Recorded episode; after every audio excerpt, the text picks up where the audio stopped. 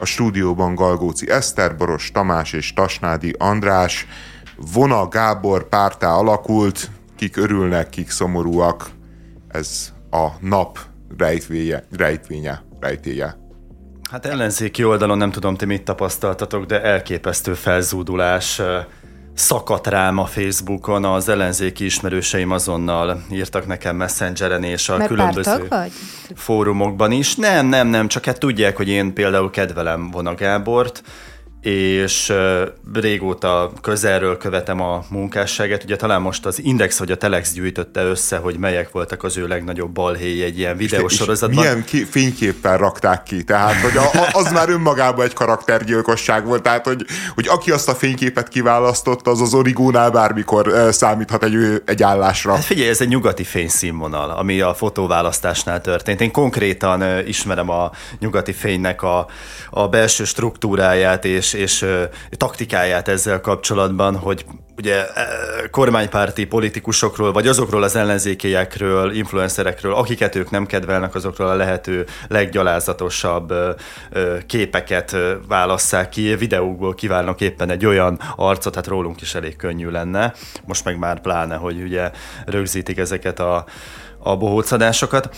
Szóval visszatérve vonára, elképesztően megosztotta a közvéleményt, illetve mégsem, mert, mert ellenzéki térfélen én azonnal ezt a, ezt a hihetetlen ellenszenvet tapasztaltam az ő irányába. Egyébként is ő abból a szempontból megosztó volt, hogy, hogy nem tudták hova tenni, hogy most akkor éppen a, a kormány oldalnak kedvez, vagy az ellenzéki oldalnak kedvez, de ezzel a húzásával, hogy még inkább megosztja az ellenzéki térfelet, és akkor további százalékokat fog majd a nagyra becsült Momentumtól és DK-tól ellopni, hát ez egy olyan gyalázatos bűn, ami jóvá tehetetlen.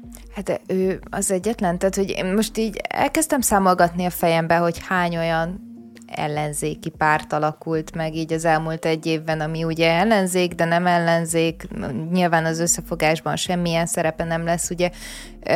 Kicsit nekem az a, az érzésem, hogy volt 2022 után pici olyan várakozás, hogy azért most már jó lenne, hogyha valaki új feltűnne a színen, valaki, aki tehetséges, aki még nincs bemocskolva az eddigi politikával, és csak azt tapasztalom, hogy közben meg így azok az arcok, akik egyébként nagyon régóta részei a politikai elitnek, ők alapítanak új pártokat. Ugye a vona az olyan szempontból talán egy picit más, sőt, ilyen szempontból nagyon más, hogy ő nagyon sokáig visszavonult a tényleges politikai tevékenységétől, és utána alapított pártot. Tehát most tényleg, tehát, hogy segítsetek nekem, 11 vagy 12-nél tartunk ellenzéki pártokban? Tehát most ez, ez egyébként szerintem ezen szörnyűködni is nevetséges. Tehát, hogy mondjam, most vagy hiszünk a demokráciába, vagy nem. De vagy... legalább nevessünk már rajta. Hogy de miért? Nem, de, de, de szerintem én nem, én nem szörnyűködtem, Egy normális világban szerintem sok párt van. Tehát, hogy mert sokféle ember van, és azok nyilván sokfajta pártotban találják uh-huh. meg a maguk útját, maguk meggyőződését. Tehát én, én nem gondolom, hogy önmagában az, hogy sok párt van, az bármit is elmond a világról tehát nyilván a választási rendszernek van egy logikája, de, de azt a sok párt nem feltétlenül gátolja, hogyha Csoda. ezek képesek együttműködni. Ja, hát hogyha képesek, ha képesek együttműködni, együtt, ha meg mert ugye a, a választási rendszer logikája az ugye a győztesnek kedvez. Tehát, ugye ez egy ilyen nagyon sokszor előkerülő vita, hogy a választási rendszert a Fidesz direkt ugye a maga képére formálta, de valójában ö, arra a képre formálta, hogy egy nagy erő legyen. Hogyha egyszer, valamikor ö, képes lenne az ellenzék vagy összefogni, vagy lenne egyetlen egy olyan párt, aki tényleg kiemelkedik és fel tudja mutatni, egy icipicivel nagyobb erőt tud mutatni, mint a Fidesz, akkor neki fog kedvezni az a választási rendszer, ami ugye jelenleg érvényben van.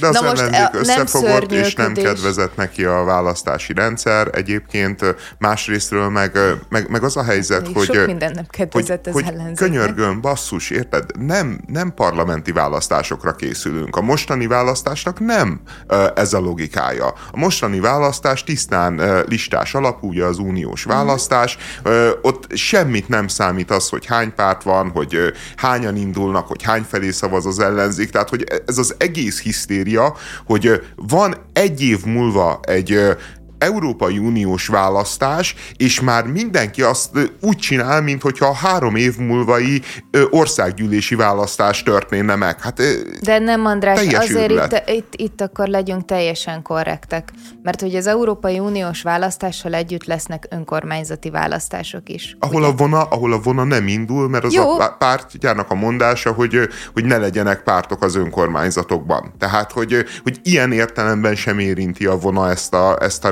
részét. Tehát, a hogy... vona nem, de én ezért szélesítettem ki arra a nagyon vicc. Én szerintem vicces, nem szörnyűködtem, de a, azt a nagyon vicces tényt viszont tegyük mellé, hogy most már tényleg mindenki pártot alapított aki nem tudom, valamiért nem találta meg a régi pártcsaládjában a helyét. Azért ez a második reformkor alapítvány tényleg hozott valami újat, ahhoz képest, amit korábban tapasztaltunk, akár alapítványoktól, akár pártoktól, tehát kerekasztal beszélgetéseket, előadásokat, pilvaxesteket, online népszavazásokat, ö, hoztak létre, és, és, és én úgy érzem, hogy az ő irányukban elindult valami olyasféle mozgolódás, amivel én tudok azonosulni, azt, hogy tényleg ügyek mentén kezd el valaki politizálni, és például ha Vona Gáborék be tudják azt tartani, ami ebben a 11 perces videóban elhangzott tőle hogy nem mennek bele a sárdobálásba, nem lesz karaktergyilkolás, legalábbis az ő részükről őt nyilván majd úton útfélen megpróbálják. Már is kezdődött letaposni, de hogy, de hogy ha, ha tényleg megjelenik egy olyan szín, egy új szín, amely, amely kedvezhet azoknak, akik kiábrándultak valamelyest ebből a rendszerből, kiábrándultak az ellenzéki pártokból, kiábrándultak abból a fajta politikai narratívából, ami most már így folyamatosan újra termeli azokat az arcokat, azokat a szalagcímeket, ugyanazokat a balhékat, amik az elmúlt éveket meghatározták, akkor azt gondolom, hogy nagyon jó lesz az ő részvételük. Nyilván ennek megvan az a veszélye, hogy le fog szalámizni néhány kisebb ellenzéki pártot, vagy akár nagyobbat is, és olyan módon elvesz tőlük százalékokat, hogy labdába sem rúghatnak, és adott esetben szétverhet akár olyan szövetségeket is, amelyel meg lehetne verni Orbán Viktor. Tehát nekem mm. ez, ez az agyrémem, hogy, hogy ezt hallgatjuk most már négy évről négy évre, hogy, hogy ezt kéne kipróbálni. Kipróbálják, nem sikerül. És ha nem sikerül, akkor miért nem sikerült? Mi az általános mondás ellenzéki oldalon? Hát azért nem, mert hát média túlsúly van, meghekkelték a választási rendszert, a körzetek kialakításával, úgy alakította a Fidesz ezt az egészet, hogy nem tud veszíteni, akkor meg nem tök mindegy, ha nem tud veszíteni, és egyébként is ekkor a média túlsúlyban van, hogy mivel próbálkozunk, akkor tényleg baj az, ha valamilyen ilyen középutas irányba elindulunk, és, és, és megpróbálunk valami, valami, valami módon egy, egy, egy, egy új bombát elhelyezni a, a, a NER alatt, ami esetleg felrobbanhat? Mert lehet, hogy ez is be fog sülni, lehet, hogy egyáltalán nem vevő még a társadalom arra, hogy egy ilyen kvázi középutas, mindkét iránytól nagyjából egyenlő távolságra lévő pártot ö, ö, elfogadjon, és ez, ez, tehát a... tényleg ez, ez, ez benne van a pakliban. Szerintem egyébként a mai magyar társadalom és a mi demokrácia felfogásunk még nem alkalmas arra, hogy egy hogy egy ilyen irányba elinduljunk, és ez tényleg egy, egy létező erő legyen, akár egy parlamenten belül, amit most Vona Gábor kitalált. De, de miért ne próbálhatnánk meg? És tök jó, hogy valaki ebbe bele tud állni, én drukkolok nekik. Ha már kiebrándultságról beszélünk, azért, tehát, hogy nagyon jó, hogy téged ez lelkesít. Csak akkor így az elmúlt években, hogyha ha visszanézzük az új pártokat, meg hogy én hogyan leszek középen, meg mi meghaladjuk a törésvonalat, meg mi uh-huh. aztán tényleg mindenkit képviselünk, most nem. nyilván. De nem, csak hogy, hogy mindenkit azt, képviselünk. Nem, csak azt szeretném mondani, hogy tudod, nagyon sokan indultak el azon az úton, hogy mi középen vagyunk, mi aztán tényleg Ki? nem, mi is. Hát ne arra, hogy a Momentum Kicsoda? is azt mondta, hogy törésvonalak mentesen, és tényleg egyébként a, a, az alapvetően a, a pártban. Hát egy pár hónapig olyan... bírták, igen. Na, aztán igen, beálltak a kultúrharcba. Igen, igen. csak szeretném... Felvették az O1G ruhát. Mondjuk és az akkor... azt hiszem, hogy még nem a kultúrharc része, de beálltak. A magyaré? Ugye... Dehogy nem.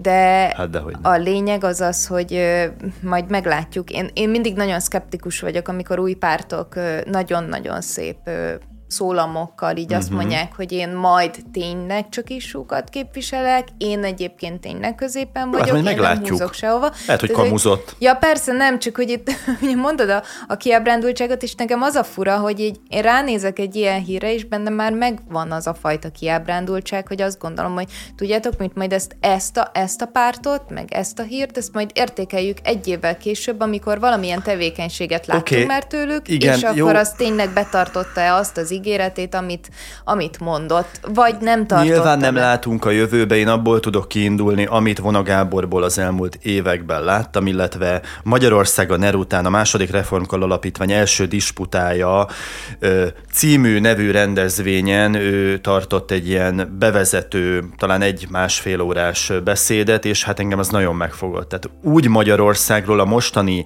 jelen helyzetről, arról, hogy miért van atomizálva ez a jelen társadalom, miért van ez a folyamatos egymásnak feszülés, tehát a, olyan magyarázatokat kaptam, olyan logikai levezetést, amit nagyon kevesektől itt Magyarországon. És azon nagyon kevesek közül van a Gábor most az, aki pártot alapított. Ha ezen a vonalon, ezen az őszinte vonalon ezen a hídácsoló vonalon tud tovább haladni, mert ez egy hídácsolás egyébként, ha a társadalom pofájába verjük a valóságot, az De igazságot, egyébként egy történelmi okai vannak, okai vannak kulturális. Igen, de mondom még egyszer, a Momentum aztán rálépett egy olyan útra, ami a, a nettó magyarországi kiábrándult, ö, cinikus pártpolitizálás. És egyszerűen az akcióik azok, azok nem valós, nem valid ügyek. Sajnos, az utóbbi hát, időben. Mondjuk 10-ből 8 nem olyan. Nekem ez a bajom. szerint, igen.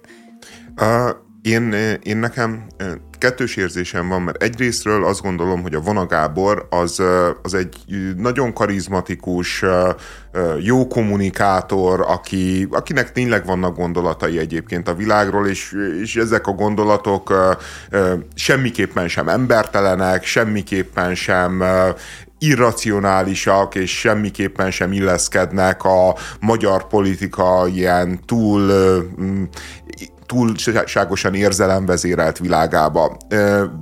És a Vona Gáborba látom az alkalmasságot.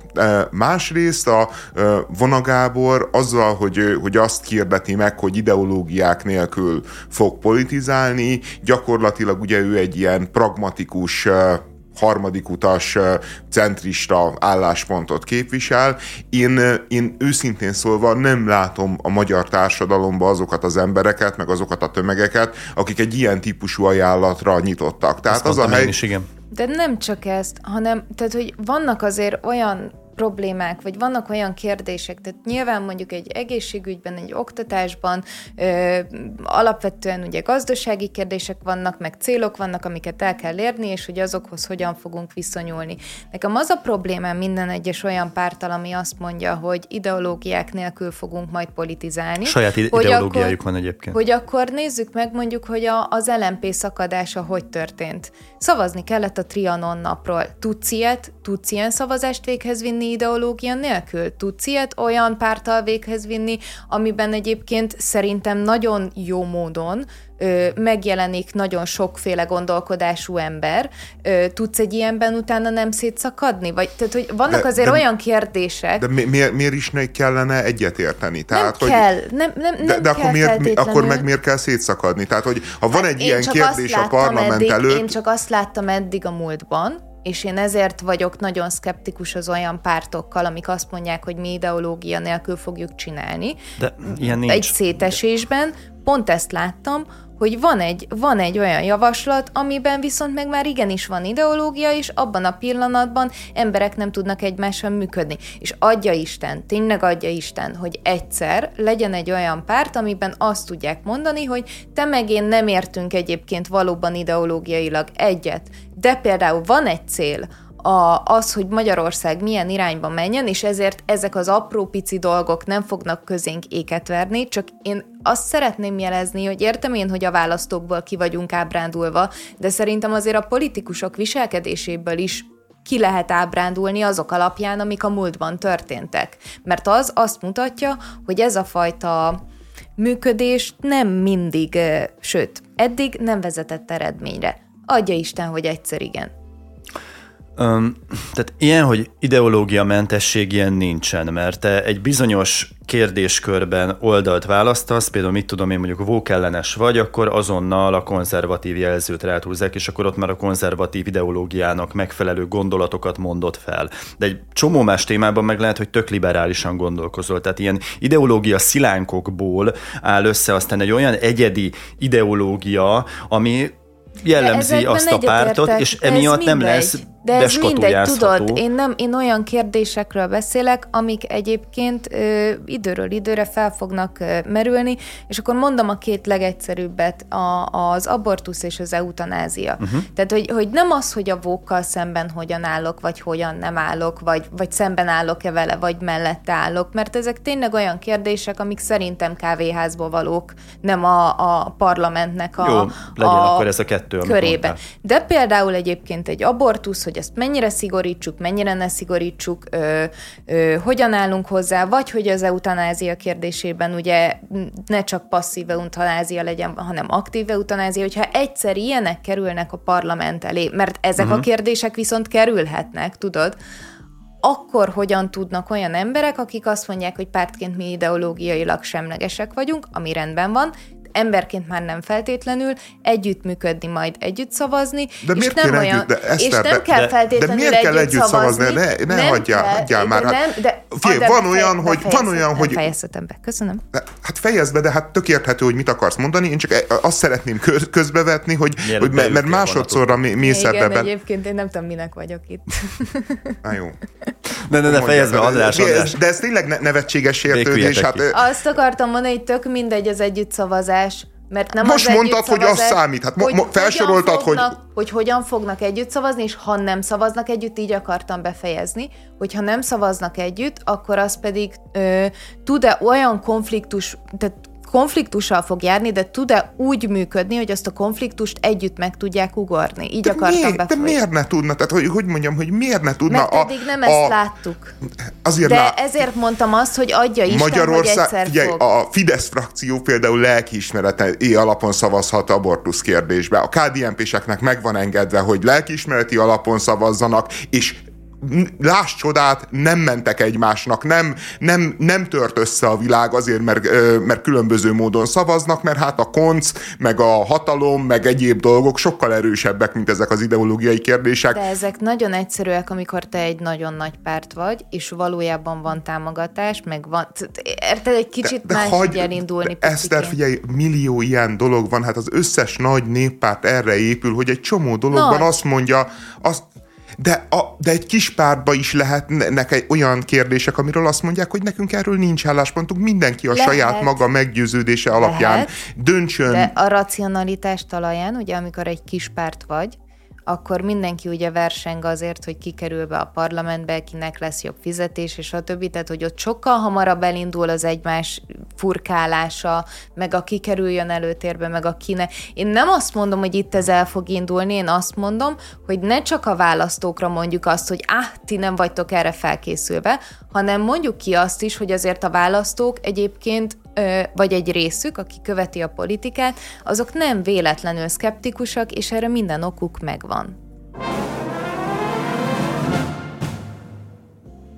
Kormány mostantól semmilyen kritikát nem fogad el az Egyesült Államoktól a demokrácia állapotával kapcsolatban, miután ott ki akarják zárni a választási versenyből a legesélyesebb elnökjelöltet Donald Trumpot, közölte Szijjártó Péter külgazdasági és külügyminiszter csütörtökön Budapesten.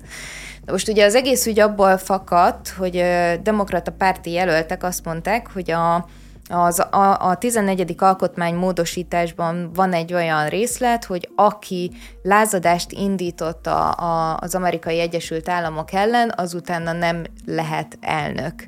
És még ezek a demokraták is sajtótájékoztatójukon elmondták azt, hogy ők ennek a lehetőségét vizsgálják, ők ezt egyébként be is fogják adni, és utána a bíróság fog dönteni, és valószínűleg ellenük fog dönteni, úgyhogy a demokraták ne dőljenek hátra, mert valószínűleg Trumpot nem fogják kitúrni ebből a székből. Ne, bennem két kérdés van, őszintén. Az egyik az, hogy Magyarországról nézve egy picit más hogyan értékelem azt, hogy megpróbálom kihasználni a már meglévő törvényeket, illetve, hogyha egy olyan törvény van, ami nekem nem tetszik, akkor átírom, tehát hogy itt nem biztos, hogy egyetértek Szijjártó Péterrel, hogy ők ne szóljanak bele. A másik viszont az, hogy, hogy ez a 14. módosításnak van-e létjogosultsága, és egyébként abban a tekintetben jól működik-e, hogy itt nem is kell, hogy el legyél ítélve azért, mert te lázadást szítottál, hanem egész egyszerűen a bíróság majd dönt arról random, hogy te lázadást szítottál-e. Ez, ez rendben van-e, és szerintem nincsen, mert nagyon sokszor a, a történelem során azt láttuk, hogy olyan embereket, mint mondjuk Malcolm X, vagy mondjuk a Chicagói hetek, ilyen gumicsontok, vagy ilyen gumitörvények alapján ítéltek Amerika ellenségének. Szóval nem kell túl gondolni ezt a Szijjártó üzenetet, nyilvánvalóan beszálltak egy politikai kampányba, Orbán Viktornak vélhetően Donald trump üzleti érdekeltségei vannak, és Magyarország, illetve a magyar kormány az felállt, fellépett Donald Trump mellett, amit mondtál te is, nem fogják kizárni, legfelsőbb bíróságban többsége van a republikánusoknak, és három embere is ott van Trumpnak, tehát biztos, hogy 2024-ben elindul. És az, ez a boszorkányüldözés, amit ugye republikánus oldalon mondanak, ez igazából kedvezett Donald Trumpnak, tehát a népszerűsége most már 53 os és kb. esélye sincsen most már DeSantisnak innentől.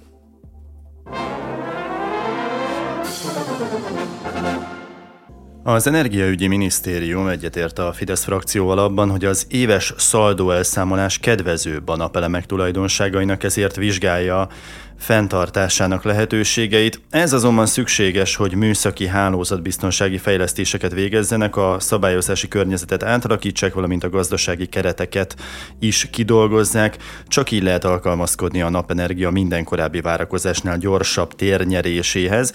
Teszem fel a kérdést ezzel kapcsolatban, hogy eddig erről miért nem volt szó, ugye? Az alapvetés illetve hát a kiinduló pont az az, hogy Kocsis Máté, a Fidesz frakció vezetője arra kérte Lantos Csaba energiaügyi minisztert, hogy állítsák vissza az éves szaldó elszámolást, melynek kivezetését még szombaton jelentette be Lantos.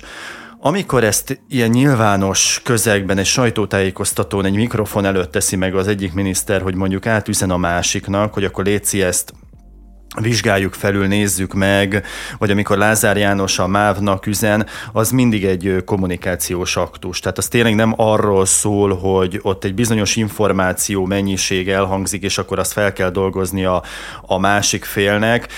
Van egy output, van egy input, és akkor ott a kettő között történik valami, és akkor ennek lesz következménye, nem ez pontosan arról szól, hogy ezt azért mondják ki, hogy a nyilvánosság előtt mondhassák ki. Tehát amit én tapasztaltam ezen ügyben, az az elképesztő mértékű felháborodás. Ezt meséltem nektek talán egy héttel ezelőtt, hogy amikor kirobbant ez a balhé, benne vagyok napelemes csoportokban, nyilván ez nem, repre- nem, nem reprezentatív, amit mondani fogok.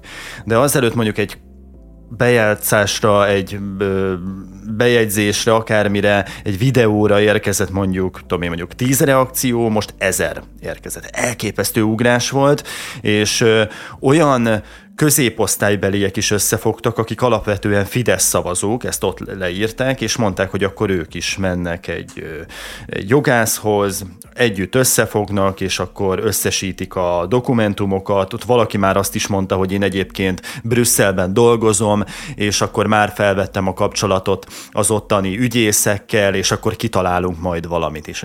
Én, én szerintem ez egy a Fidesz részéről ez egy puhatolózás volt, ahogy annó azt, hogy a napelemesek által termelt áramot 12 forintért vette vissza a szolgáltató, ezt levitték 5 forintra. Akkor nem volt ez a felzúdulást. Halleluja, elvégeztük a feladatot, és át tudtak ütni egy olyan törvényt, vagy egy olyan rendeletet, amelyel az állam kasszában több pénz maradt, ugyanakkor meg elmaradt az a fajta társadalmi fellángolás a háttérből, ami esetleg megfurta volna ezt, vagy ami esetleg százalékokban megmutatkozott volna egy későbbi szavazáson. Itt viszont azonnal egy olyan szintű összefogás, egy olyan szintű ö, népharag gyúlt fel, hogy hát kénytelenek voltak ilyen módon visszakozni, és akkor Kocsis Máténak osztották ki ezt a feladatot, hogy akkor ő legyen most a jó Lantos Csaba lesz majd a, vagy volt eddig a rossz zsaru, de az a politikus, aki végül is belátja, hogy hát lehet, hogy tévedtünk, lehet, hogy nem gondoltunk arra, hogy ez az éves elszámolásról havira való átváltás, ez a napelemeseknek majd rossz lehet, és akkor ők majd rosszul fognak járni. Tehát bullshit az egész pontosan tudjuk.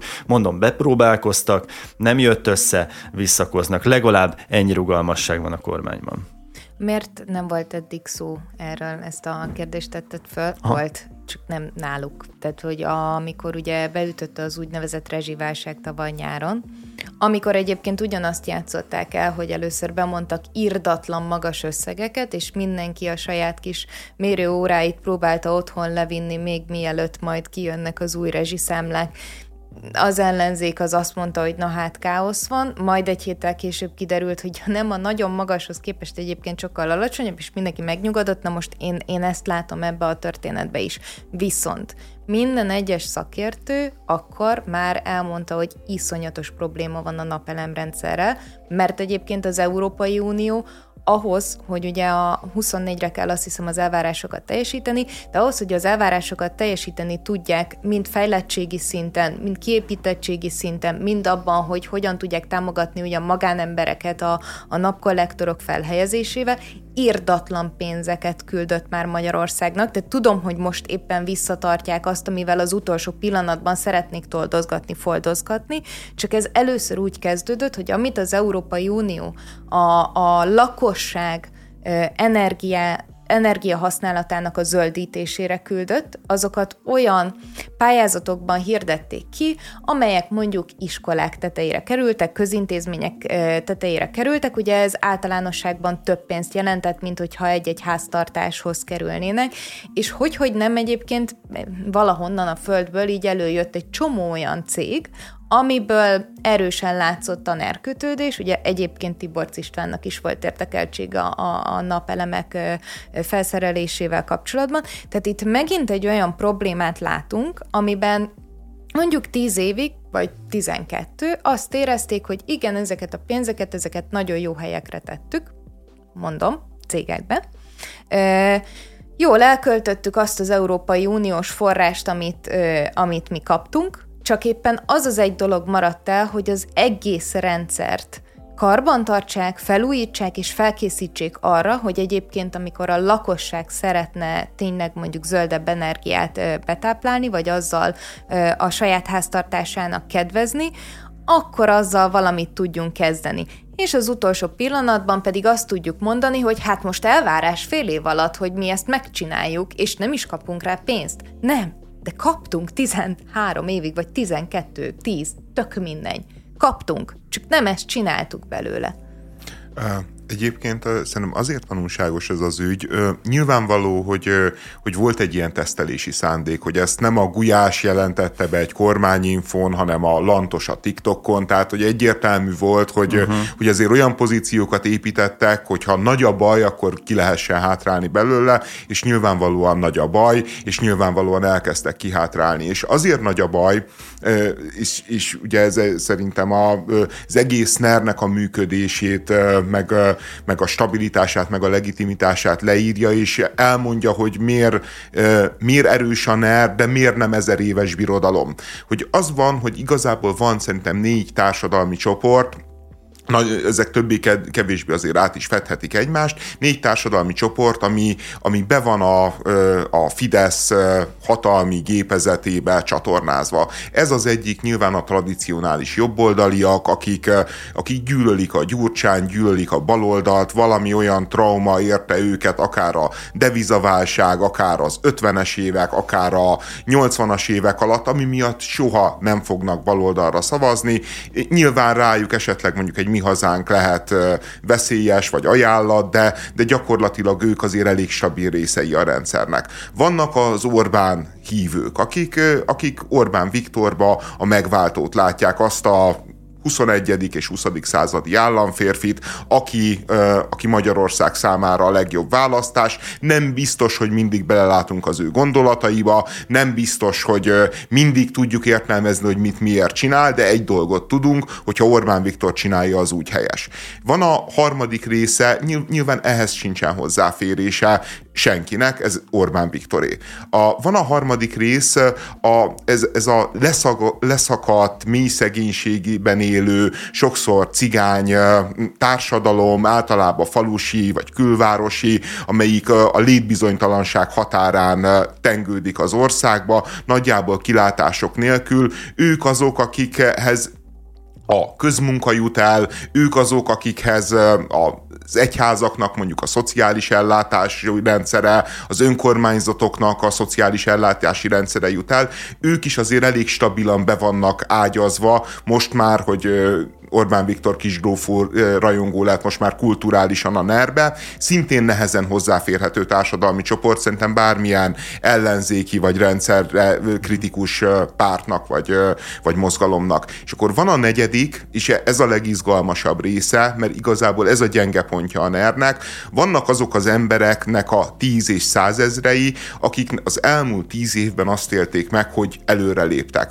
Azt élték meg, hogy stabilabb az egzisztenciájuk, azt élték beszélték meg, hogy, hogy tudtak venni egy családi házat, a családi házra napellemet, stb. stb. Van most már egy mondjuk egy nagyobb kocsi, és ezek az emberek azt mondják magukba, hogy, hogy nyilván egy csomó mindennel nem értek egyet a NER, nyilván látom, hogy lopnak, nyilván látom, hogy hazudnak, nyilván látok ezer hibájukat, de az a helyzet, hogy az én személyes életemre még mindig ők a jó választás, az a helyzet, hogy még mindig ők azok, akik jól irányítják az országot. És, és ez az a választói csoport, ami igazából én azt gondolom, hogy a szentehén a Fidesznek. És minden áron, akár a gazdasági irracionalitás árán is próbálják próbálják ezeket az embereket megvédeni, mert látjuk, hogy abba a pillanatban, hogy ez a réteg befeszül, abba a pillanatban az egész hatalmi centrum megbomlik. Most az egy nagyon jó kérdés hosszú távon, hogy vajon tényleg át lehet-e úgy gyalogolni egy gazdasági válságon, hogy ezek a rétegek nem érzékelnek belőle sokat, vagy nem érzékelnek belőle annyit, de azt gondolom egyébként, hogy a NER stabilitásának, meg sikerének ez a kulcsa, hogy ez a, mit tudom én, egy-másfél millió ember, ez, ez elégedette az életével, és azt látja el, hogy hogy az ő élete azért nagyobb biztonságban van, meg egzisztenciája az Orbán Viktor kezébe, mint bárki máséba. Nagyon pici kiegészítést, hogyha ha megengedsz, András, mert szerintem tök jól leírtad ezt a négy csoportot, csak az egyikben szeretnék annyit hozzátenni, hogy én nem nézném le a mély szegénységben lévőket olyan szempontból, hogy csak a grofóval tudják őket ö, megkapni. Nem, szociális készít... segéllyel, nem, meg de nem, de nem is csak az, hogy szociális segély, meg krumpli, mert ezeket elmondhatjuk milliószor. Ö, sok igazság van benne egyébként, ebben, ebben egyetértek, meg egyébként vannak ugye az uzsorások, meg, meg vannak azok, akik elmondják, hogy kire kell szavazni, ez tökre benne van, de azért vannak olyan kutatások is, amik arra is mutatnak, hogy még azok a, a rétegek is, akik egzisztenciálisan egyébként kifejezetten rosszul állnak, nem azt érzékelik, hogy mi nagyon-nagyon rosszul állunk, hanem azt, hogy egy picit jobb, mint eddig volt. Egy picit jobb, mint mondjuk ami a, a szüleimnek az időszakában volt, egy picit jobb, mint, mint ami az előző generációban. Tehát, hogy ugye hajlamosak vagyunk így gazdasági szinten, ugye Ó, azt nézni, hogy nem tudom, nagyon előre... Eszter, Eszter, ez teljes tévedés. És ezek, ezek az emberekhez, hogy, hogy, hogy mondjam, hogy, hogy ők egész egyszerűen tény, tény, tényleg le vannak dominálva olyan módon mindig az állam részéről, hogy amikor az MSP volt hatalmon, ezek a társadalmi csoportok MSP-sek voltak. Mert MSP-s volt a polgármester, aki hozta a krumplit, mert, mert MSP-s volt a szociális munkás, aki segítette őket, mert e, ezer oknál fogva, és, és, kultú, és Fási Ádám is egyébként akkor még MSZP-s volt. Tehát, tehát, tehát hogy nyilván nem lehet általánosan, nem lehet azt mondani, hogy minden ki, aki mély szegénységben él, az ilyen de vagy olyan, de az a helyzet, hogy, de az a helyzet, hogy, nem hogy, hogy na, nagyjá, nagyjából szerintem tényleg ez az igazság, hogy ez, ezek az emberek sokszor akár önérdekük ellen is a kormánypártokra szavaznak, ugyanígy támogatták az MSZP-t, ugyanúgy támogatják a Fideszt, miközben se az MSZP, se a Fidesz gyakorlatilag ezeknek a társadalmi rétegeknek a felemeléséért semmit nem, nem. tesz. Semmit. És ugyanúgy támogatják őket. Tehát én, én azt gondolom, hogy, hogy hát ez, ez egy nagy nehézsége a, a magyar demokráciának, de egyébként azt gondolom, hogy ez a világjelenség, hogy, hogy, hogy, hogy vannak egész egyszerűen az információtól, meg, meg, meg, meg tudod, aki az élet lehetőségeit azt a következő egy hétbe tervezi, uh-huh. meg a következő egy hétre gondolkodik. Annak a, a gazdasági a, megítélése is más, más lesz, mint neked. Én erre próbáltam meg egy picit rávilágítani, csak érted? De Tehát, hogy te a tudod, választás előtt fog kapni. Tudod, a, a választás értem. előtt mindig azt fogja érezni, hogy jobban de él egy kicsivel. Tudod, na igen, ő jobban él egy kicsivel, és ezt érzi. Csak erre akartam rávilágítani, hogy azért nem csak annyi van, hogy a grofó azt mondja, hanem az is, hogy egyébként ők tényleg azt érzik, hogy egy picivel jobb, mint mondjuk tegnap volt, és ez lehet, hogy kívülről De megveszik őket más. kilóra az, hogy most a választások előtt ezt egy politikus teszi, vagy éppen a hozzá kulturálisan legközelebb álló influencer mondja meg, az lényegében teljesen mindegy. Megveszik őket kilóra. Louis van Hál azt állítja, hogy a Katari világbajnokságot szándékosan úgy alakították, hogy biztos legyen Lionel Messi és Argentína győzelme. Egy őszinte ember, vagy egy konteós őrült? Kicsoda Van Hál? Hát egy őszinte ember, aki egy konteós őrült. Így röviden és tömre, hogy válaszoljak a kérdésedre. Ez megint csak attól függ, vagy azon múlik ennek a kérdésnek a megvitatása, hogy te éppen most Messi fan vagy-e, mm-hmm. vagy sem. És ezen jelenség kapcsán egyébként beszélhetünk arról is, hogy az általános divat hullámok, a reklámipar miként befolyásolja valakinek a megítélését negatívan, tehát miként válik ez kontraproduktívá. Gondolok itt arra, hogy ha valakivel szemben mondjuk egy ellenérzés felgerjed, és erre rástartol a közösségi média, és ebből jó kis mémeket gyártanak, vicceket, videókat, és, és egy ilyen általános hangulat alakul ki valakivel kapcsolatban, akkor az bizony befolyásolhatja egy futbalista megítélését, lásd például Neymar aki ünnepelt sztár volt a barcelonás időkben, aztán amikor 2017-ben a Paris Saint-Germainbe igazolt, akkor rögtön jöttek a pénzes mémek, és onnantól kezdve bármelyik világbajnokságon ő egy picit is rájátszott egy sérülésre, egy rúgásra, ami némileg érthető, mert a világ egyik legjobban cselező játékosa szana szétrúgták egész karrierje során. Tehát próbálta olyan módon megvédeni magát, hogy akkor kissé túlzásba vitte már a faltnak tűnő belépőket is, annak érdekében, hogy védelmet kapjon a játékvezetőtől, de ez rosszul sült el, mert amikor 68 kamerával közvetítenek egy meccset, és látszik, hogy alig érnek hozzá, ő mégis elkezdő picsogni.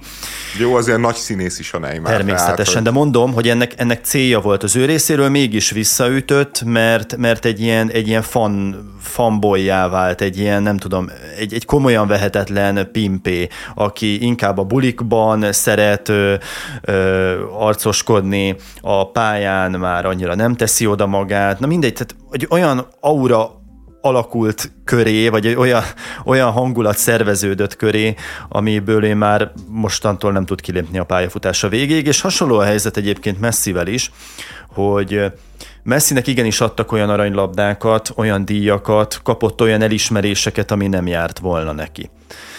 Um, ennek következtében, akik ezt észrevették, és voltak nyilvánvaló csalások, én azt gondolom, akár aranylabda kiosztásnál is.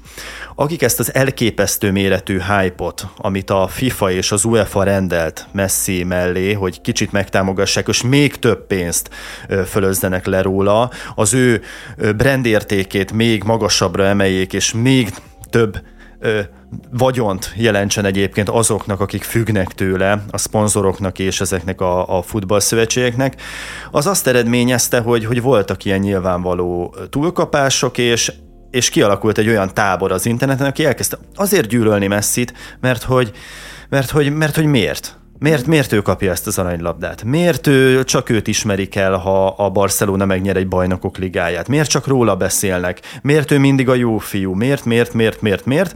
És hát egy ilyen anti-Messi klub alakult elég sok taggal. Nekem is vannak ismerőseim, akik, akik szívesen viselik ezt a jelvényt És most a Fánhál is belépett, azt állított. Fánhál is belépett, nyilvánvalóan neki fáj az a mérkőzés, amit 0-2-ről a csapat kiegyenlített 2-2-re, majd aztán büntetőkkel elbukott, de ha igaz is Fánhálnak, hogy előre le volt zsírozva, hogy ezt Messi ö, megkapja, és akkor a FIFA ilyen módon avatkozott közbe.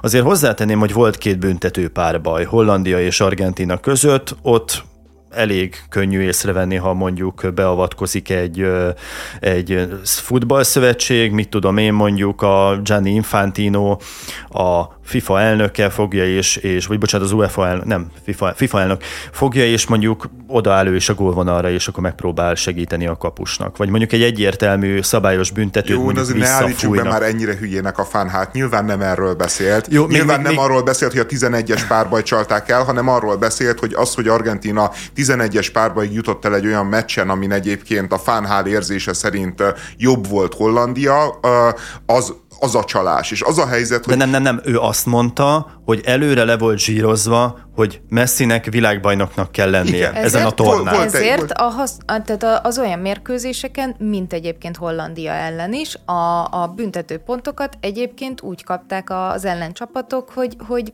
végül egyébként Argentina eljuthasson ideig. Most akkor én, Aha, tehát csak én megtámogatták, de ha... ebben a hát megtámogat. Most én... lehet, hogy egy, most egy, egy ne, nem, tehát nézed, én akkor hagytam abba a foci VB nézését, amikor volt a dél-koreai VB, és ahol a dél-koreai csapatot a FIFA mindenképpen az első négybe akarta jutatni. És olyan szégyentelen, undorító csalás sorozattal verték ki, az, én az olaszoknak szurkoltam, verték ki az olaszokat, de egyébként me- mentek utána más meccsen is tovább, hogy egész Spanyolok egyszerűen, igen, igen, hogy, hogy az em, én, én tényleg ott azt éreztem, hogy soha többet nem fogok futballmeccset nézni, mert hogy ezeknek a mocskos, csaló, szar, elnézést, gonosz embereknek, akik a, a FIFA vezetése, nem fogok semmilyen hülyeségéhez asszisztálni, meg szemfényvesztéséhez asszisztálni. Aztán egyébként ezt megszektem, de például VB-t már tényleg nem nézek, mert egész egyszerűen én, én azt érzem, hogy en, itt tényleg folyamatosan lejt a pálya. És nyilvánvaló egyébként, hogy a,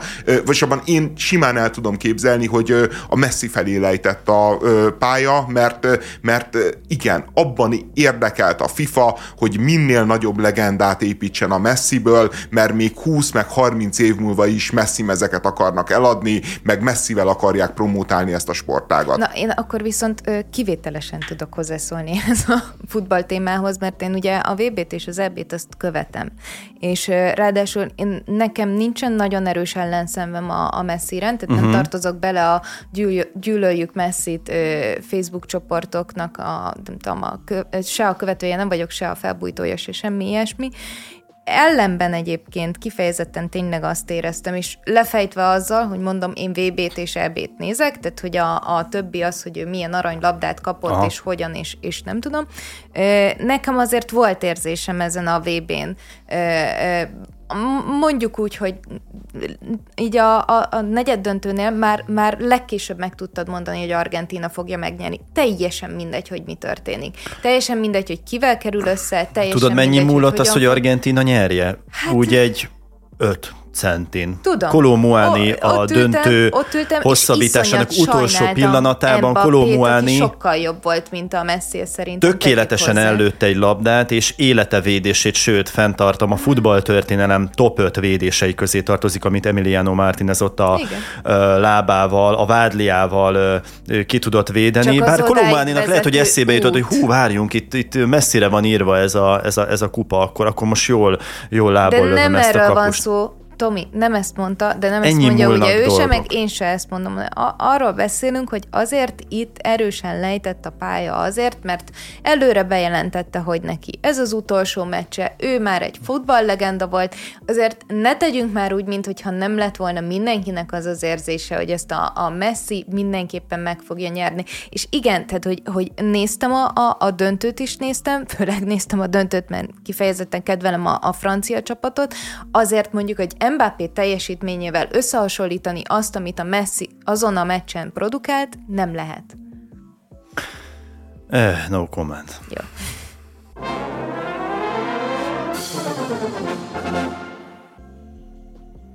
Eszter, Szlovákiába járunk. Elutazunk oh. Szlovákiába, Eszter? Hát én most Nincs nem, kedved? de igen. De, Magyarország de, de, de, de, bocsánat, igen. Szóval szeptember végi szlovákiai parlamenti választás előtt az egyik fő kampánytéma lett a menekültek ügye, írja a délszlovákiai napunk. Egyre többen érkeznek ugyanis Magyarország felől, elsősorban Érsekújvár és Nagykürtös környékén találkozni velük. Ugye ennek a hírnek a csavarja vagy érdekessége az az, hogy Ficó pártja az egyik legesélyesebb, és nekik ugye nyilván jól jön ez a menekült válság, vagy nem tudom, egy újabb hullám, hiszen számukra is egy legalább akkora téma volt ez mindig is, mint Magyarországnak, és mivel Magyarországról egyébként könnyebben érkeznek menekültek, főleg mióta kicsit úgy döntöttünk, hogy elengedjük az embercsempészeket, akik nem magyarok, így szélnek, szabadon, hogyha elmennek Magyarországról. Egy, van az a benyomása egyes embereknek, hogy, hogy mi megpróbálunk segíteni Ficónak?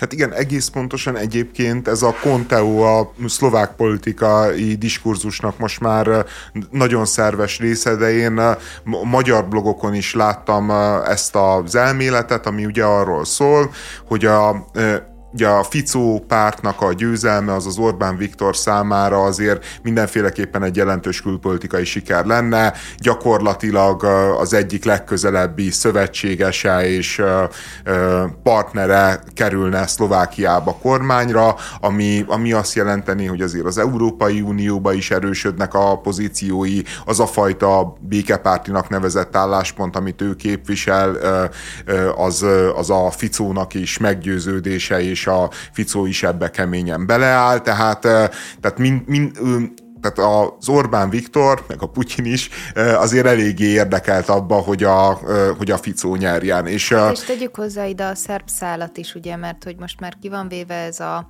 V4-es szál az ellenállás tekintetében, de hogyha a Ficó nyerne, akkor ugye a szerb-magyar szlovák tengely az ugye erős lenne, és ez kifejezetten erősítené Orbán Viktornak a pozícióit. Igen, tehát hogy a, egyébként ez az Orbán Viktornak tényleg a politikai ügyessége, meg, meg a végtelen alkalmazkodó képessége, hogy, hogy szétesett az a szövetség, ami egyébként nagy politikai siker volt neki, és ahol tényleg ő azért egy meghatározó figura tudott lenni így a lengyelekkel karöltve, és a v és most annak a helyére úgy néz ki, hogy lehet, hogy lesz egy ilyen szerb-szlovák-magyar együttműködés, ami, aminek nyilvánvalóan azért ebbe a régióba ö, nagy jelentősége van, ezer mind gazdasági, mind politikai, mind migrációs tekintetben. Hát illetve ugye az Európai Uniós szabályoknak csak mert, hogy ugye a v is azért voltak kifejezetten fontosak, mert hogy nagyon sok szavazásnál úgy tudsz vétózni,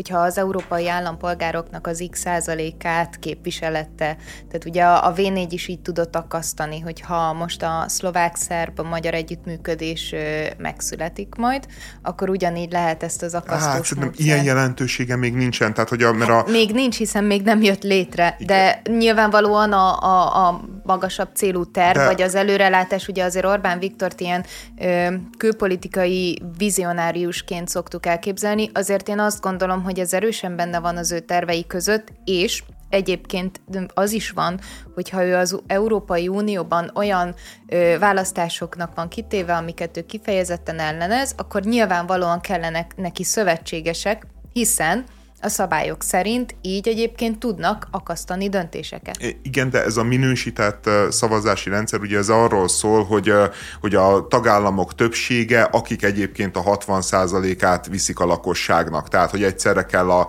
két dolognak fennállnia, hogy a tagállamok többsége és a lakosság, és az a helyzet, hogy... De a vétóhoz i- elég kevesebb. A, a, a vétó az más, a vétóhoz egy is elég. Tehát, hogy amiről te beszélsz, az a minősített többség, ott nem, nem osz, nem szoroz igaz igazából Szlovákia valószínűleg, tehát hogy nagyon-nagyon sok szövetséges kell még ahhoz, hogy számítson. Szerbia meg ugye nem is uniós tag. A vétóhoz meg e, elvileg Magyarország egy maga is elég, tehát hogy bármikor tudunk mi vétózni. Nyilván sokkal egyszerűbb az élet, meg sokkal egyszerűbb a politikai kommunikáció, hogyha két ország vétózik. Igazából szerintem jelentősége egyetlen esetben van, amikor, hogyha ez az uniós eljárástól a hetes cikkei szerinti eljárásnál ugye az a mondás, hogy a tanácsnak egyhangulag kell döntenie, és eddig a magyar-lengyel páros az kölcsönösen védte egymást. Tehát, hogy gyakorlatilag az volt a helyzet, hogy, hogy egyértelmű volt, hogy a tanács nem fogja elítélni sem Magyarországot, se Lengyelországot, mert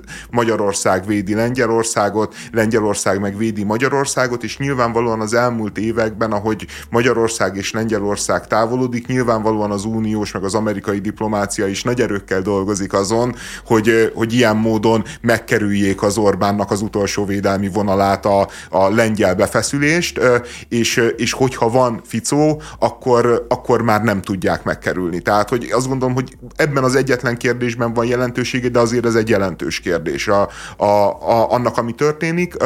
A, a Conteo ugye arról szól, hogy a ö, magyar állam ö, tudatosan, tehát a magyar titkosszolgálatok tudatosan ö, irányítják a különböző menekült csoportokat Szlovákia felé. Ö, van egy racionális magyarázat, amit el szoktak mondani a különböző biztonságpolitikai szakértők, hogy azért növekedett meg a szlovák határon a nyomás, mert ö, az osztrákok nagyon bekeményítettek, és az osztrákok az osztrák-magyar határt mm. nagyon-nagyon ke- keményen ellenőrzik, és hogy Szlovákia felé most sokkal egyszerűbb az átjutás, és nyilván Szlovákiából meg már tényleg sok opció van, hogy valahogy a centrum területekhez elérjél. És, és ez a racionális magyarázat, ugye az irat, vagy a konteós magyarázat, meg az, hogy a magyar titkos szolgálatok is ezt erősítik, és nyilván ezt a konteós magyarázatot azért némiképpen alátámasztja. Én, én mindig adok hitelt a konteós magyarázatoknak, mert a konteóknak a mondjuk a 20-30 százalékáról kiderül, hogy azért valami igazság alapjuk mindig és volt. És ezért elmondjuk az összeset. És ezért elmondjuk az összeset. Ötből egyszer igazunk legyen. Igen, de meg, de nem, nem, meg nem egy izgalmas, meg érdekes igazad. műsor.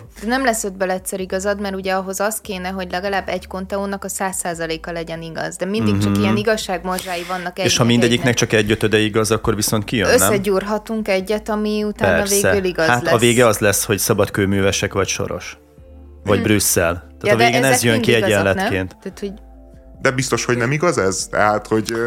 Várjatok. Ne, ne, ne, nem, nem Ezen lát... el kell gondolkodnom, Fie, hogy én... hol ülök, Fie, én, mo, én most Kitől néz... kapok pénzt? Fie, Szeretnél le itt ülni? Fie, Ki fizet engem? Én most néztem meg, most játszák a mozikba a Célpont című francia filmet, a Sitting Duck, azt hiszem, hogy az a, az angol címe, egy francia filmnek, ami egy igaz történetet dolgoz fel, egy, egy olyan szakszervezeti vezetőről szól, aki, aki a, a francia a, állam atomenergiával foglalkozó cégénél a vezető szakszervezet is, és tudomására jut, hogy a kínaiakkal tárgyal a, a cég, cégnek a vezetése technológiai, a technológia átadásáról, és nyilván a, a, a munkavállalók nagy számának a leépítéséről, amit majd ugye átvesznek a kínaiak, és a csaj az befeszül ennek a dolognak, nagyon keményen lobbizik, a teljes francia politikai elitet próbálja lázítani, és azon a napon, amikor a hollandak volt akkor a szocialista köztársasági elnök, akkor a holland fogadná őt, aznap reggel a lakásába megtámadják, megerőszakolják, és, és hát brutális dolgokat csinálnak vele, ami után hát nyilván visszább a lendületből, és elindul indul egy rendőrségi eljárás, amely rendőrségi eljárás nagyon gyorsan átfordul abba, hogy a nőt nevezi meg bűnösnek, és a nőt kezdi el támadni azzal, hogy biztosan megrendezte, biztosan hazudta ezt a történetet, mindenki kifarol mögül le, a szakszervezet, a nem tudom mi, csak a családja támogatja, és ez 2012. decemberében történik, és most 2018-ban jutottunk el oda, hogy, hogy a bíróság kimondta, hogy, hogy a francia rendőrség az inkompetens módon viselkedett. 2018-ban egyébként eljutottunk oda, oda is, hogy, hogy egyébként ezt a francia állami céget ezt megszüntették, felszámolták, és a kínaiak kezébe adták. Tehát, hogyha valaki azért a politikának, a, meg ennek a konteós világnak a, az igazságaiban, vagy a politikának a, a tisztaságában kételkedik, akkor azért nézze meg ezt a filmet, mert nem Magyarországról lát egy fantáziát vagy egy szatírát, hanem egy francia filmet, amit egy oknyomozó újságíró könyve alapján pusztán tények összerakásával csináltak meg, mindenfajta túlzás nélkül, és jól mutatja, hogy ebbe a világba tényleg mindenfajta aljasság, gazemberség megtörténhet, és, és még csak az sem védelem, hogy az ember egy, egy több száz éves polgári demokráciában egy befolyásos szakszervezetnek az élén van, mert őt is el tudják taposni, hogyha kellően magas kínai, meg, meg, meg egyéb érdekeknek feszül keresztbe. Abban teljesen egyetértek, hogy a világ romlott, a politika még romlottabb, és hogy nagyon sok olyan helyzet történik meg, ami, ami alapjául szolgálhat egyébként konteóknak. Szerintem nem az a baj a, a, ezzel az, az egésszel, hanem hogy a, a, a konteók nagy része, és most ne ezekről beszéljünk, hanem mondjuk a csipbeültetés, stb. stb. Ugye az ilyen megtörtént eseteket, amik egyébként valószínűleg nap mint nap történnek a világban, és, és mindegyik ellen fel kéne lázadnunk, azokat így nem veszi alapul. Sőt, egyébként mondjuk pont egy ilyen helyzetben, főleg, hogyha egy nőt, nőt megerőszakolnak, nem fognak arra gondolni, hogy ez egy politikai háttérmozgás, hanem ott egy áldozathibáztatás lesz. Nem azokat, kérdő, nem azokat az eseményeket kérdőjelezzük meg, amiket kellene, mert meg kell egy csomót, és egy csomó mögé bele kell látni egyébként valóban az igazságot, hanem olyan eseményeket, amik, amikben bizonytalanok vagyunk, amikben nem látjuk a végét, mondjuk amikor a Covid kirobbant, akkor ugye már nyilvánvalóan előre előre le volt gyártva a vakcina, stb. stb. Tehát, hogy, hogy olyan eseményekre adott reakciókba visszük át ezeket az érveléseket, amikben mi nem látunk világosan. És az viszont meg már veszélyes, mert a világ önmaga is kifejezetten veszélyes, kifejezetten gonosz, kifejezetten rossz. De mi nem kell még rápakolni.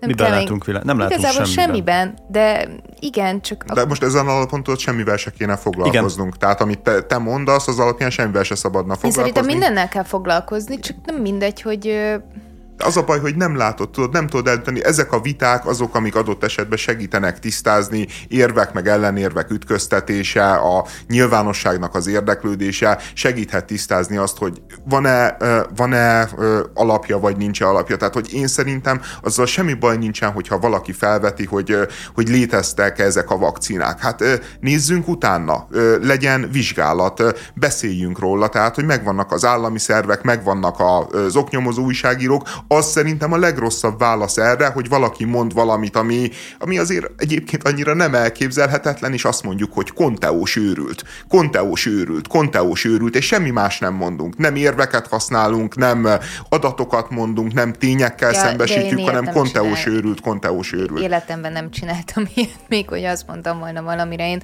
mindig felkutatom egyébként az eredetét, pont azért, mert ahogyan beszéltük, mindig vannak alapjai.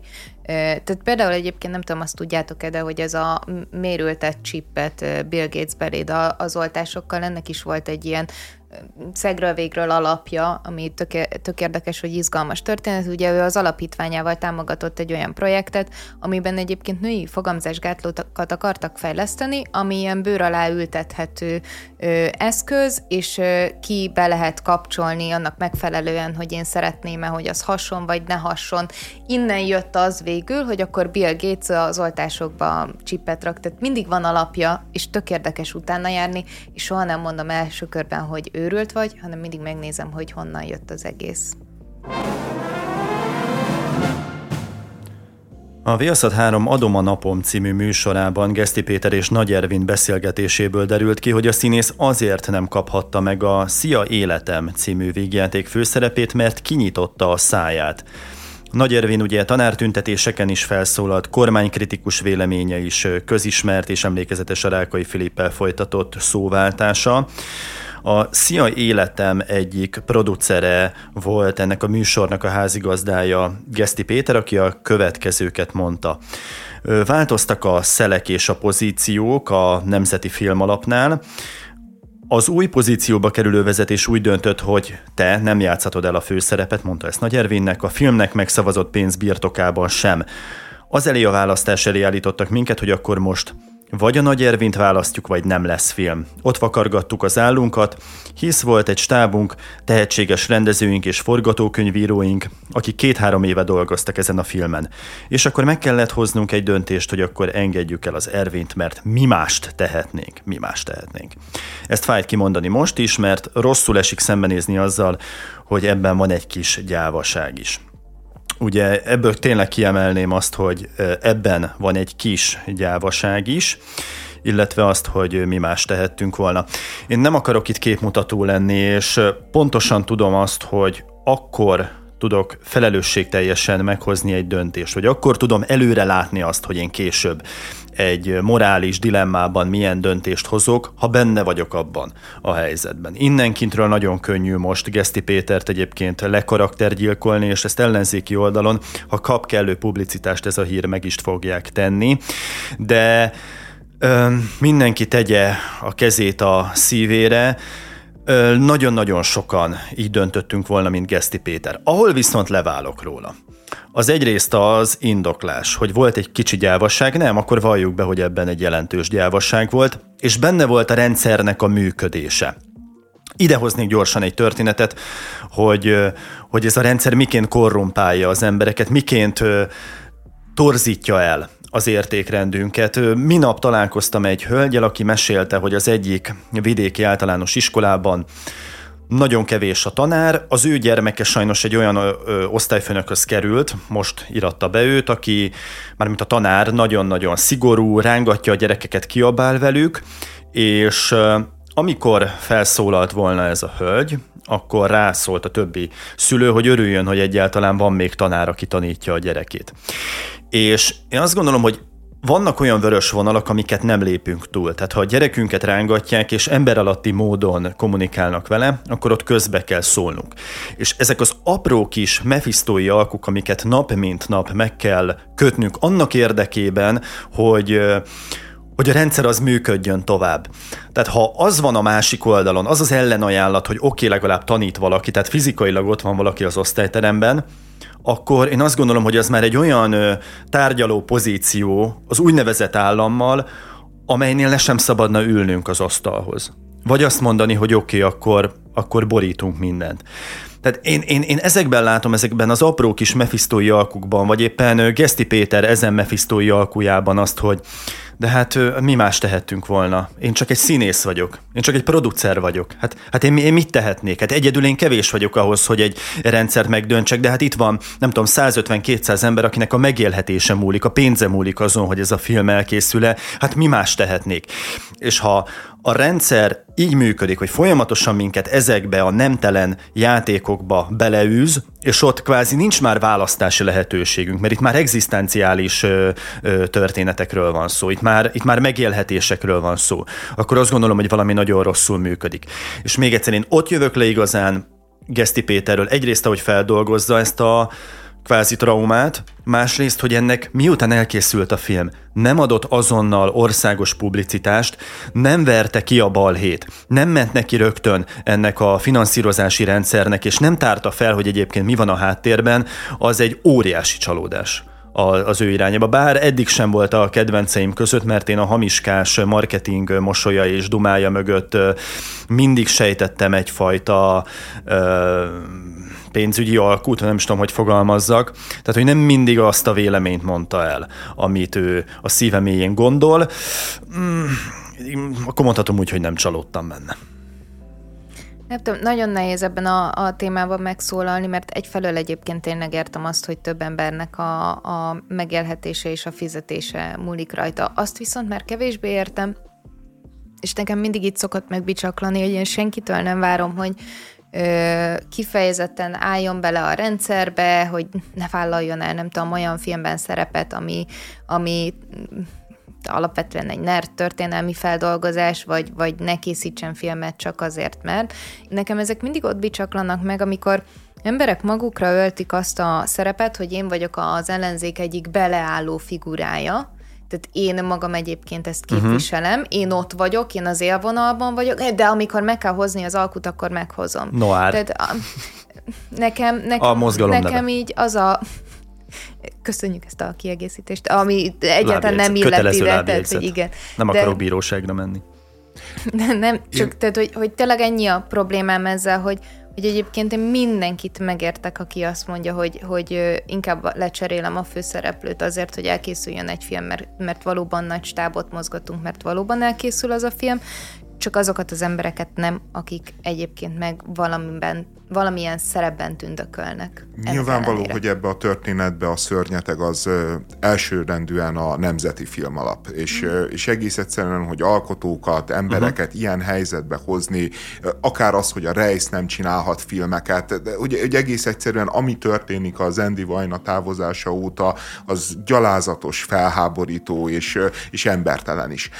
A másik része a dolognak egyébként, hogy én, én azért nem bánnám, hogyha készülnének lennének magyar filmek a Túróci Szabolcs, meg a Nagy Ervin nélkül is, mert kitűnő színésznek gondolom. De ez egy másik kettőt, téma. De igen, csak azért megjegyzésként mondom, de azért tényleg nevetséges, hogy minden filmben lassan ők lesznek. A harmadik része, meg, meg a Gesztinek szerintem álságos ez az álláspontja. Az a helyzet, hogy ő beleállhatott volna ebbe a dologba kiverhette volna a balhét, egy magasabb szintre vihette volna, mint ahol ez van, nem utólag, hanem akkor, amikor történik. Tehát, hogy ez azért soha nem olyan egyszerű, amikor elindul a gépezet, már egy csomó pénz van a, ebben a történetben, nem még politikati, politikai tétet is adsz mellé, nem állt volna le. Csak a Geszti mindenképpen meg akarta Hogy csinálni. várjál, ő is kiléphetett volna egyes egyedül.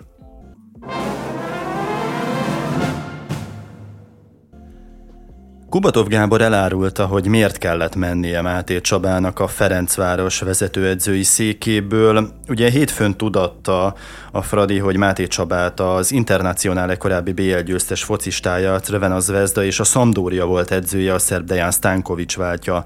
A kispadon azt mondta Kubatov, hogy lehet a megérzéseim megcsalnak, de a Fradihoz az eddig legközelebb eső karakter került a Ferencváros vezetőedzői pozíciójába. Azt is mondta, hogy ő a Crvena Zvezda edzője volt, játékosként bajnokok ligáját nyert, úgyhogy őt nem lehetett lenyűgözni a Fradi stadionnal és hasonló dolgokkal, mert ő ehhez hozzászokott.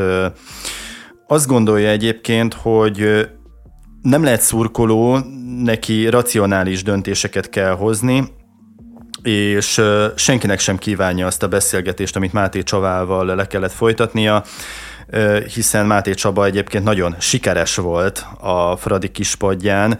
Máté vezetésével a csapat az elmúlt 10 meccsből 9-et megnyert, és ezeken összesen 39 gólt szerzett az együttes. Máté Csaba pont az az edző volt, folytatta Kubatov, aki illett a csapathoz, de minket mindig az húzott felfelé, hogy olyan edzőnk volt, aki magasabbra volt jegyezve, mint a csapat, mondta Kubatov Gábor. Én ezt igazából nem tudom igazából hova, hova tenni, hogy Fé, ami történt, mit, mit jelent az, ez? Ez szégyen és gyalázat. Tehát szégyen és gyalázat lenne egyébként bárkivel megcsinálni, de az, hogy egy Ferencvárosi kötődésű magyar embert kidobnak azok után, hogy, hogy tízből nyer kilenc meccset, és egy elképesztően jó teljesítményt rak le az asztalra, kidobják a Stankovicsért, aki egyébként mint edző egy nulla, egy ismeretlen senki, aki valójában sehol semmit nem bizonyított, uh-huh. az, az valami, valami tehát, tehát, hogy mondjam, a, a Fidesz, amikor leírja a világot, akkor mindig, mindig az, azt a narratívát hangsúlyozza, hogy vannak a szegény kis magyarok, akiket a mindenfajta gonosz, rossz indulat miatt a külföld, a soros, a nem tudom én kicsoda büntet és aljas módon viselkedik velük. Egyébként sokszor van is igazság, és tud példákat mutatni, amikor ez így működik.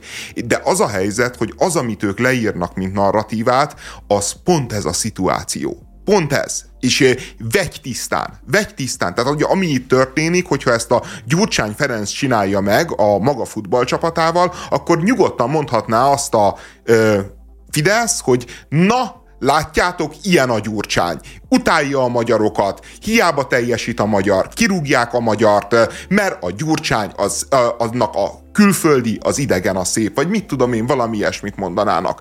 Én, én nem tudom, hogy, hogy azt mondja, hogy élete legnehezebb beszélgetése volt, hát én nem tudom Kubatov Gábor sajnálni. Tehát, hogy, és, és egyáltalán pofátlanságnak gondolom, hogy ő sajnáltatja magát, hogy neki egy nehéz beszélgetése volt. Nem kellett volna, hogy sor kerüljön erre a beszélgetésre kilenc győzelem után. Tehát, hogy mit tegyen le az az ember. Most képzeld el, hogyha a Mourinho mondjuk a, a, a Portóval, ugye amikor még egy névtelen senki edző, nem tudom, hogy a Máté Csaba egyébként mi lett volna, hogyha hagyják dolgozni, meddig jutott volna a Ferencvárossal, mit tett volna le az asztalra, de abba biztos vagyok, hogyha a Murinyót a Portóval mondjuk két hónap után, amikor egyébként vezeti a bajnokságot, és áll a BL-ben, kirúgják, hogy odahozzanak egy, egy, egy szerb senkit, aki soha semmit nem bizonyított edzőként, mert hát úgy gondolják, hogy nagyon illeszkedik a csapathoz a Mourinho, nagyon eredményes a csapattal, uh-huh. de, de neki az a belső sugalmazása, hogy, hogy itt valaki nagyobb kell, akit nem gyűgöz le a Portó stadionja, mert hozzá van szokva, és ezért ide, oda viszi a Stankovicsot, biztos vagyok abban, hogy a Murinyónak nem lett volna az a karrierje, ami megtörtént vele. És az, az a helyzet, hogy amikor azt nézzük, hogy, hogy miért működik úgy a magyar futball, ahogy működik, akkor ez egy hihetetlenül jó példa arra, hogy, hogy nagyon sok eset van, amikor tényleg külföldit kéne hozni, mert nincsen jó magyar, akkor de haveri alapon, meg nem urambátyám alapon mégis marad az, e, a magyar edző az ifibe, a itt-ott, amott, hogyha meg van egy magyar, aki tehetséges, teljesít, azt valahogy meg megfúrják. Amikor megkérdezték Kubatovot, hogy mi a véleménye a magyar edzőkről, illetve nem, célzottan kérdezték, hogy tényleg ilyen rossz véleménnyel van-e a magyar szakemberekről, akkor azt mondta, hogy ha röviden kellene válaszolnom, akkor igen, ugyanakkor nem a magyar edzők tehetnek róla, hanem a futballmorál, ami az elmúlt 40 év, amit a ne, elmúlt 40 évben tönkretettünk, tönkretettek, itt már javított gyorsan, hogy tönkretettek ők.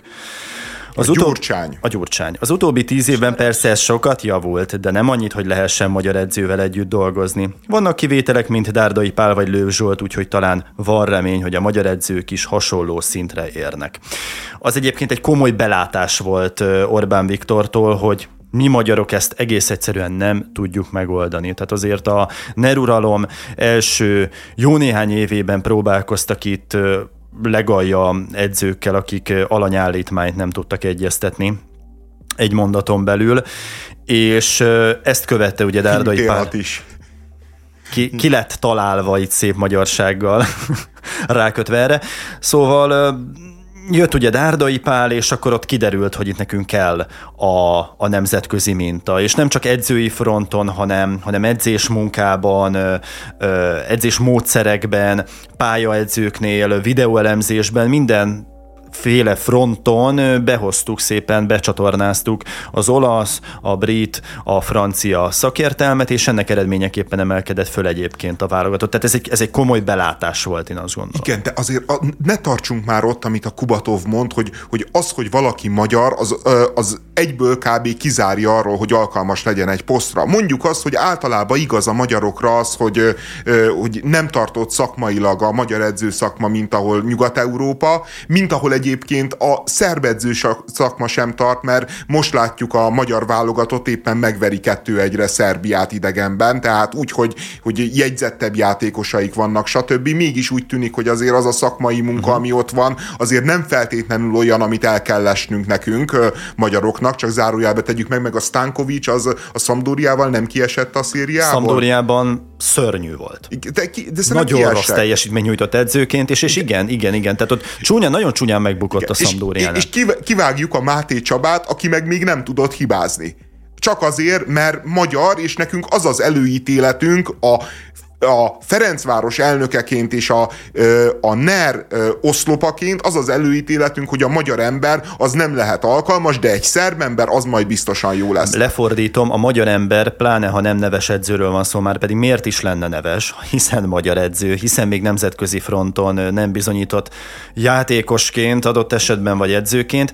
A Fradi a Fradit nem lehet önmagában egy futballcsapatként nézni, hanem az egy PR termék, és a politikusok is, Orbán Viktor is így tekint a Fradira, hogy oda olyan poszterarcok kellenek, olyan jól fotózható reklámtermékek, amelyek a szélesebb futball közvélemény számára is ö, ismerősek, és mondanak számukra valamit. Azért Dejan Stankovics ő egy nagyon neves játékos volt, és neked kéne mondani Inter szurkolónak. Ö, de, jaj, de én most fejtettem meg, hogy ez tényleg arról szól, ez ennyi. hogy ők akartak egy BL győztest a csapatba, csak egész egyszerűen játékos nem tudnak megfizetni, aki BL győztes, és mondjuk 37 évesen a Ferencvárosba vezet le, de, de akkor hoznak egy BL győztest a kispadra. És ez milyen jól szól, de milyen jó, jól mutat. Ez micsoda ennyi. sötét, hülye bagázs. És komolyan ezek irányítják az országot. Hát én, de én, én most komolyan, most megijedtem. Tehát, hogy most van az, hogy megijedtem, mert azért az inkompetenciának ezt, ezt a... Igen, az inkompetenciának ezt a szintjét nem feltételeztem. 13 év, és András megijed. Igen, most Először. megijedtem. A Fradinál. Igen, igen. É, így mindenkinél eljön ez a pont, persze. Hát igen, előbb-utóbb mindenkinél. Figyelj, e, ez tényleg valami nagyon durva dolog. Tehát, hogy emberileg, politikailag, gazdaságilag, szakmailag ezt megtenni, ezt megcsinálni, hát én kicsiben, szavaim nincsenek. Kicsiben azt csinálja a Fradi, mint egyébként a katari milliárdosok mondjuk a Paris Saint-Germain élén, hogy nincs egy ö, csapatépítő koncepciójuk, hanem arra utaznak, hogy minél több neves sztárt felsorakoztassanak, és akkor azokkal ezek az arab milliárdosok tudnak fotózkodni, PR értéke növekszik a klubnak, külön márkát tudnak elindítani, és bejárhatják ezzel a földbolygót. A Juventusnál is hasonló volt egyébként a terv, amikor nem tudom, emlékszel-e, logót cseréltek, saját sportmárkát indítottak el. Igazoltak. Cristiano Ronaldot leigazolták, ugye olyan gazdasági súlyokat magukra magukra véve ezzel, hogy kvázi összedőlt egyébként a klub abban, hogy Cristiano Ronaldo ott volt. És hasonló úton jár a Fradi, csak nyilván sokkal kisebben, viszont kihasználja azt a pozícióját, hogy itt a környező országok tekintetében egyedül a Fradi engedhet meg magának olyan béreket, amelyel egyébként akár ilyen levitézlet sztárokat, vagy ex mondjuk bajnokok ligája győztes edzőket meg tud fizetni és ide tud hozni. Egyébként annyit a védelmükben, ha ez egyáltalán megvédi őket. Hogy szerintem már Máté Csaba előtt megvolt a megállapodás Stankovicsal, hogy akkor őt idehozzák, és akkor hiába szerepelt ilyen jól a Fradi, ebbe a nemtelen helyzetbe kerültek, amiből szomorú, hogy egyáltalán nem tudtak kifarolni, tehát hogy nem volt mondjuk adott esetben, ha tényleg volt szerződés, egy, egy apró betűs rész, hogy ebből, ebből mi, mi kiszállhatunk, de, de én, én a, a Fradinak a, a koncepcióját értem, hogy ugye Orbán Viktor mondta, hogy több Fradira van szükség, viszont ez láthatóan nincs meg. Tehát annyi pénzt viszont most nem tudnak belepumpálni több másik klubba, hogy, hogy felszárkozzanak a Fradi mellé.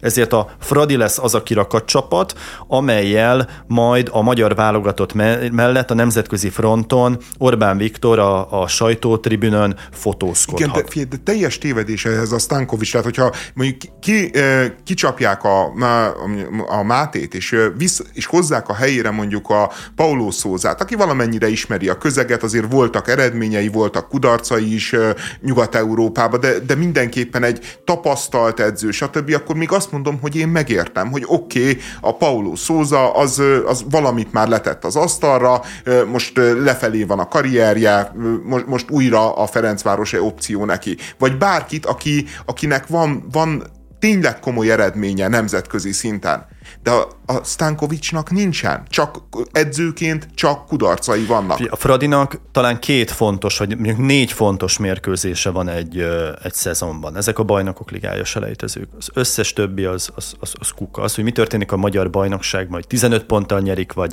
5-tel. Igen, de, de a Csercsaszov mester hát az, az egy ö, három szinttel feljebb van, mint a Dezsán Stankovics, mint edző. Nem?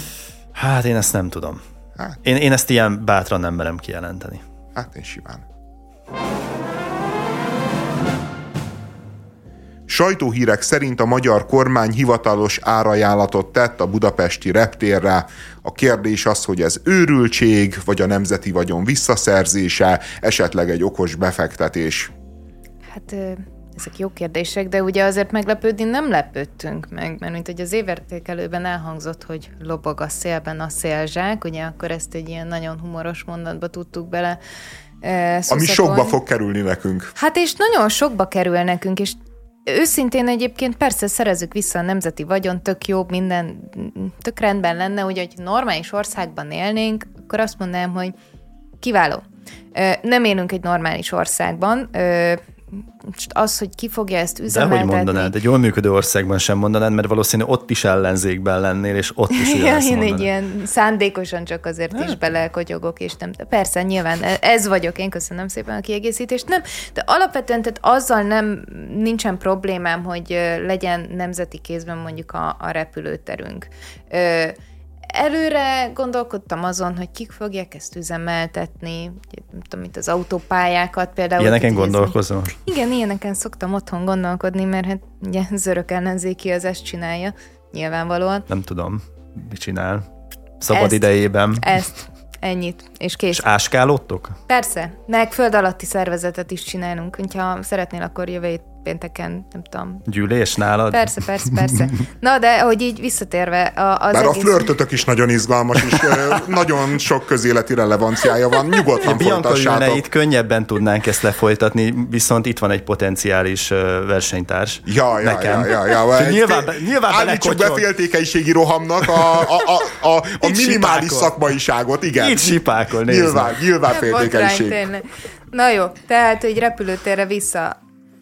Igen, azt gondolnám, hogy egy normális országban egy ilyen gazdasági beruházásnak helye lenne egy normális országban és egy normális gazdasági helyzetben, és egyiket se érzem jelenleg stabilnak. Hát nem, hogy stabil, azt nem, hogy nem érzem- stabil, hát most az a helyzet, az a helyzet, hogy Magyarországnak pillanatnyilag semmire nincsen pénze, tehát nincsen pénze pedagógus bérekre, nincsen pénze MÁV fejlesztésre, nincsen pénze szárnyvonalakra, tehát hogy De így- most derül ki, hogy van. még, még Vágod. lehet, hogy napelemekre sincsen pénze, de most arra valószínűleg De keresni. vágod, hogy van.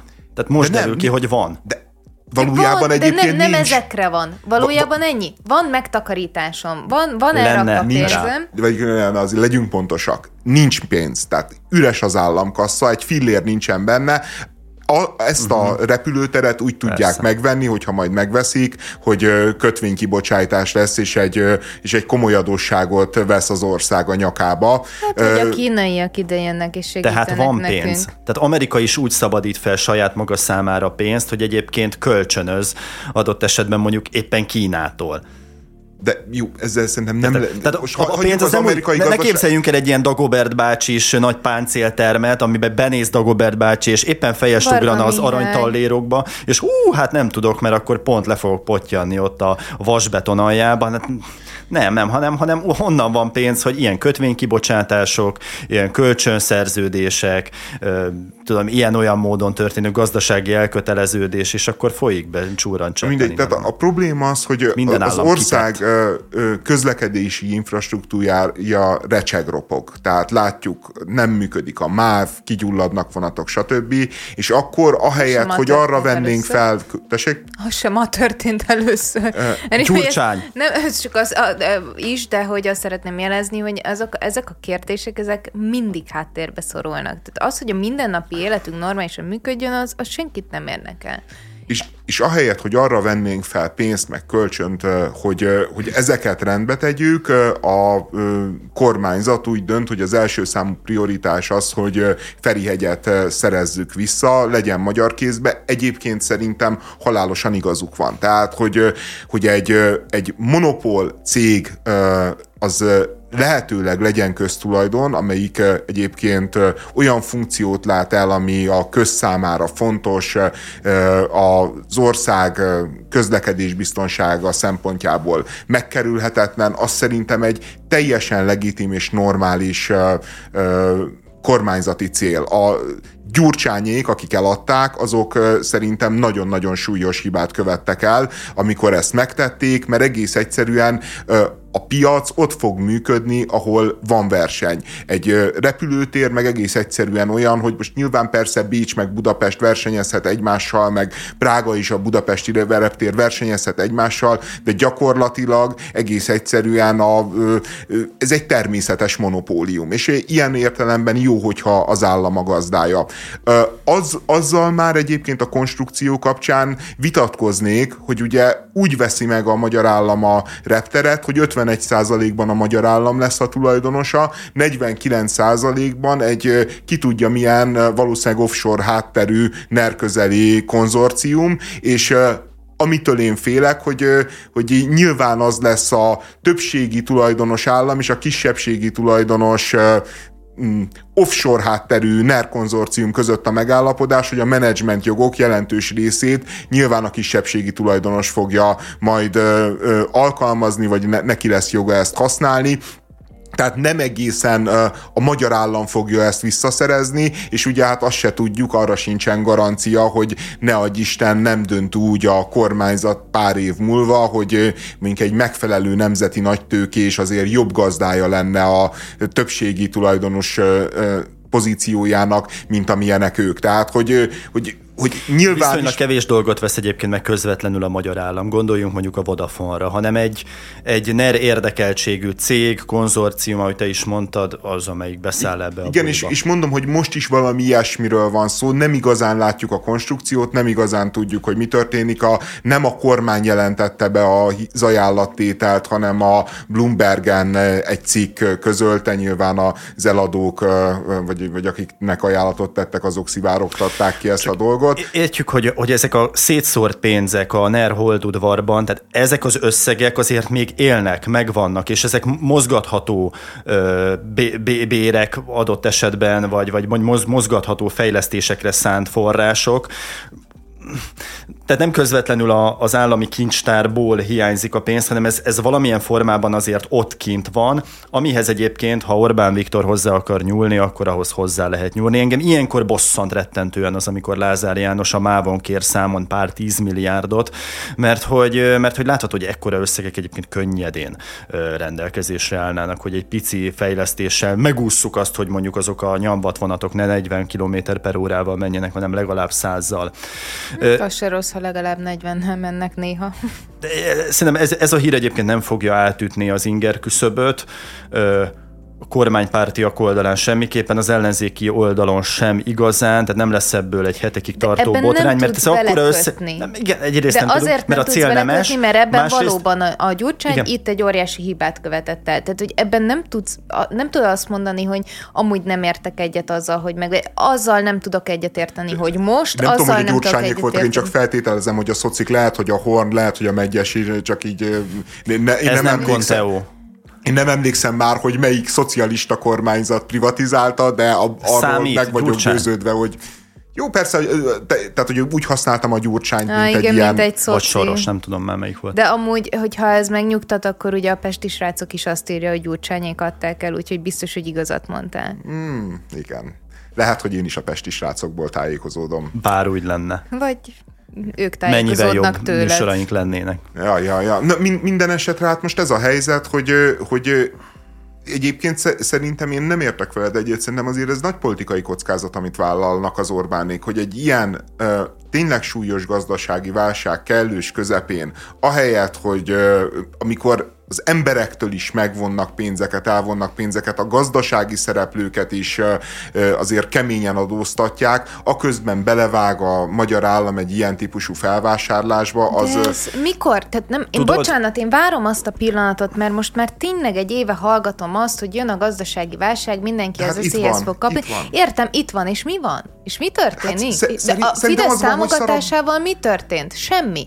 Tudod, miért nem történik semmi? Mert nincsen alternatíva. Mert lehet azt mondani, hogy nincs egyébként... gazdasági válság. Me- meg, meg amúgy sokak szerint az sincs. De hogy most... Minket, minket nem nagyon érint az a de baj. Hogy, de hogy most őszintén, tehát hogy ki fog felháborodni azon, hogy miért a repteret veszed meg, és miért nem, nem tudom, árstopot az, mint a jacht. vagy nem tudom, senkit nem A érdekel. már felháborodtunk, az, hogy most egy... egy De nem is egy, a jakton, egy, a hellent. Egy jacht, vagy egy, vagy egy, egy reptér, nagyságrendek, ez nem tudnak milliárd euró, nem, nem, nem, értelmezhetetlen összegek.